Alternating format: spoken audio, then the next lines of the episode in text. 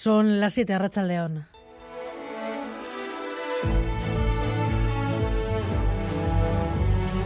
Gambara con Arancha García. El salario mínimo sube hasta los 1.080 euros, un 8% más. De nuevo, la patronal se ha, se ha desmarcado del acuerdo que han cerrado esta tarde la ministra Yolanda Díaz y los sindicatos Miquel Arregui. A Racha León, sí, Moncloa saca pecho por el acuerdo con los sindicatos para fijar el salario mínimo en los 1.080 euros. Dicen que cumplen con lo prometido, que el salario mínimo llega al 60% del medio y que desde que el PSOE llegó a la Moncloa en 2018, el salario más bajo ha subido en un 45%. Los sindicatos también celebran el acuerdo, aunque subrayan la necesidad de ampliarlo, ven más necesario que nunca un pacto de rentas e instan a la patronal a que vuelva a negociarlo en el marco del diálogo social. Y además en Euskadi se abre el melón de la reforma fiscal, PNV y PSE han comenzado a reflexionar sobre futuros cambios. Así lo han anunciado los dos partidos en una nota conjunta. El proceso se abre a pocos meses de las elecciones forales de mayo a cuatro y se marcan como objetivo aumentar la progresividad. Y Manuel Manterola.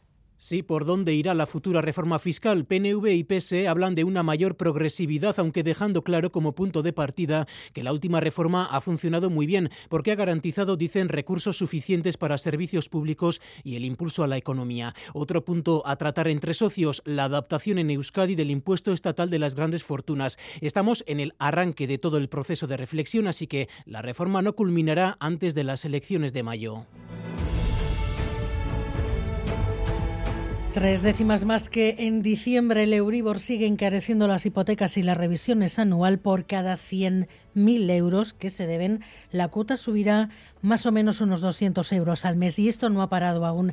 La previsión es que en verano esté al 4%, o sea que ahora mismo, Gary Suárez, ¿quién puede comprarse una casa? Bueno, pues lo que está más claro es quién no puede comprársela por establecer un perfil. Para alguien joven de entre 20 y 30 años, sin trabajo fijo y sin pareja, será prácticamente imposible que le concedan una hipoteca, y menos ahora que el Euribor ha subido y es todavía más complicado. La estabilidad laboral o la capacidad de endeudamiento son algunos de los factores en los que más se fijan los bancos. Si se pretende conseguir el crédito del banco, es preferible tener pareja, ingresos considerables, estabilidad laboral y también antigüedad en el puesto de trabajo. Enseguida vemos cuántos requisitos ponen para conceder una hipoteca y nueva jornada de paros contra el retraso de la edad de jubilación que ha decidido el gobierno de Manuel Macron. Las movilizaciones van ganando pulso en Bayona, en París, paros también en el transporte y la educación. La impopularidad de esta reforma es más que evidente, pero Macron parece no tener intención de dar marcha atrás. Y en Navarra, huelga de médicos a partir de mañana hoy en Arangoa. Finalmente no ha habido acuerdo y los médicos irán a la huelga. El sindicato médico ni siquiera ha acudido hoy a la reunión con salud y le ha enviado por escrito una contrapropuesta. Y es que cree insuficiente la subida salarial de 400 euros al mes que propone el departamento e insiste en que sea de 500. Además, reclama la eliminación total de la exclusividad sin condiciones. La presidenta Chivite lamentaba el plantón del sindicato médico, defiende que la oferta de salud es generosa y reitera la disposición del Gobierno a seguir hablando para intentar llegar a un acuerdo. Eso sí, mañana los médicos comenzarán la huelga. Y el día nos trae además dos anuncios. El Gobierno vasco empezará a dejar de subvencionar a los colegios que segregan a los alumnos por sexo a partir del curso que viene. Son seis centros. Y Pedro Sánchez ha confirmado que sí o sí se va a reformar la ley del solo sí y sí. Ha sido en el Senado en su cara a cara con Núñez Feijo.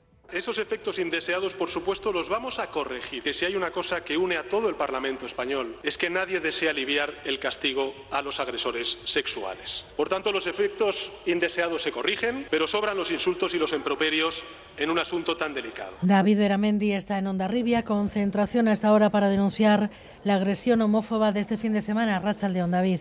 A León, muy buenas tardes a todos. En efecto, más de un centenar de personas eh, se concentran a esta hora en repulsa de la agresión homófoba ocurrida aquí en Ondarribía la noche del pasado sábado al domingo. Eran las dos y media de la madrugada cuando un desconocido se acercó a la víctima, le insultó remarcando su orientación sexual y posteriormente le propinó un puñetazo. La concentración de repulsa ha sido convocada por unanimidad por todos los partidos representados en el consistorio Ondarribitarra, según ha podido saber EIT El presunto agresor ya identificado por la Ertzaintza será juzgado mañana mismo en los juzgados de Irún. Contra él hay un vídeo que grabó una persona en la misma calle y que luego remitió a la Guardia Municipal de Ondarribía. Y en este momento el pueblo de Ondarribía concentrado para denunciar esa nueva agresión. En cuanto al tráfico, problemas en estos momentos en la A8 a la altura de Ortuella, sentido Galdacao, por el accidente entre dos vehículos. Está ocasionando problemas en el tráfico. Hay un carril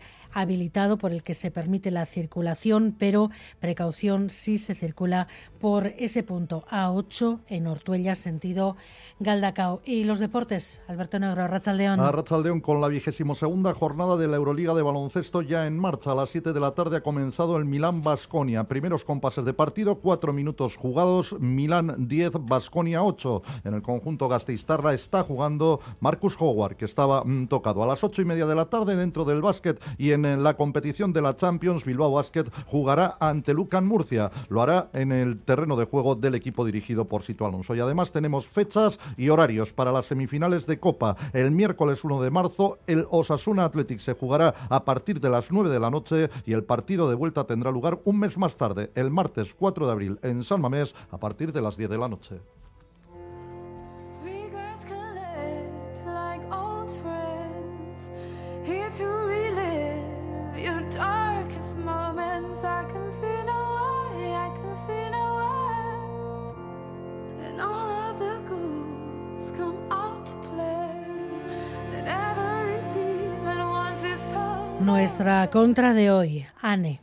mañana puede volver a su puesto de trabajo. John Fernández A sus 52 años llevaba media vida, 26, trabajando en la planta de Mercedes en Vitoria. Su marido, también trabajador de Mercedes, falleció hace unos años tras una dura enfermedad. Ella, para recuperarse, tuvo incluso que ser ingresada en una clínica y al disponerse a volver de su baja por depresión, se le comunicó que no había puesto para ella. Estaba despedida. Un despido que indignó lógicamente a todos los sindicatos que llenaron las calles de Gasteiz con carteles con el lema Todos somos ANE.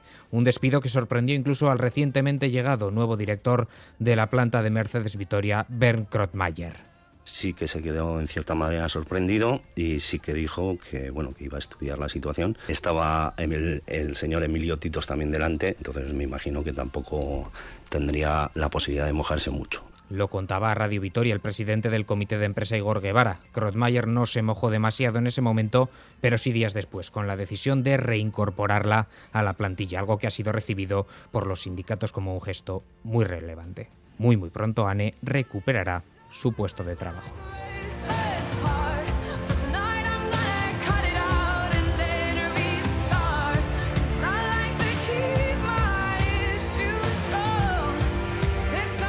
Alberto Subeldia y Miguel Ortiz están en la dirección técnica, Cristina Vázquez en la producción.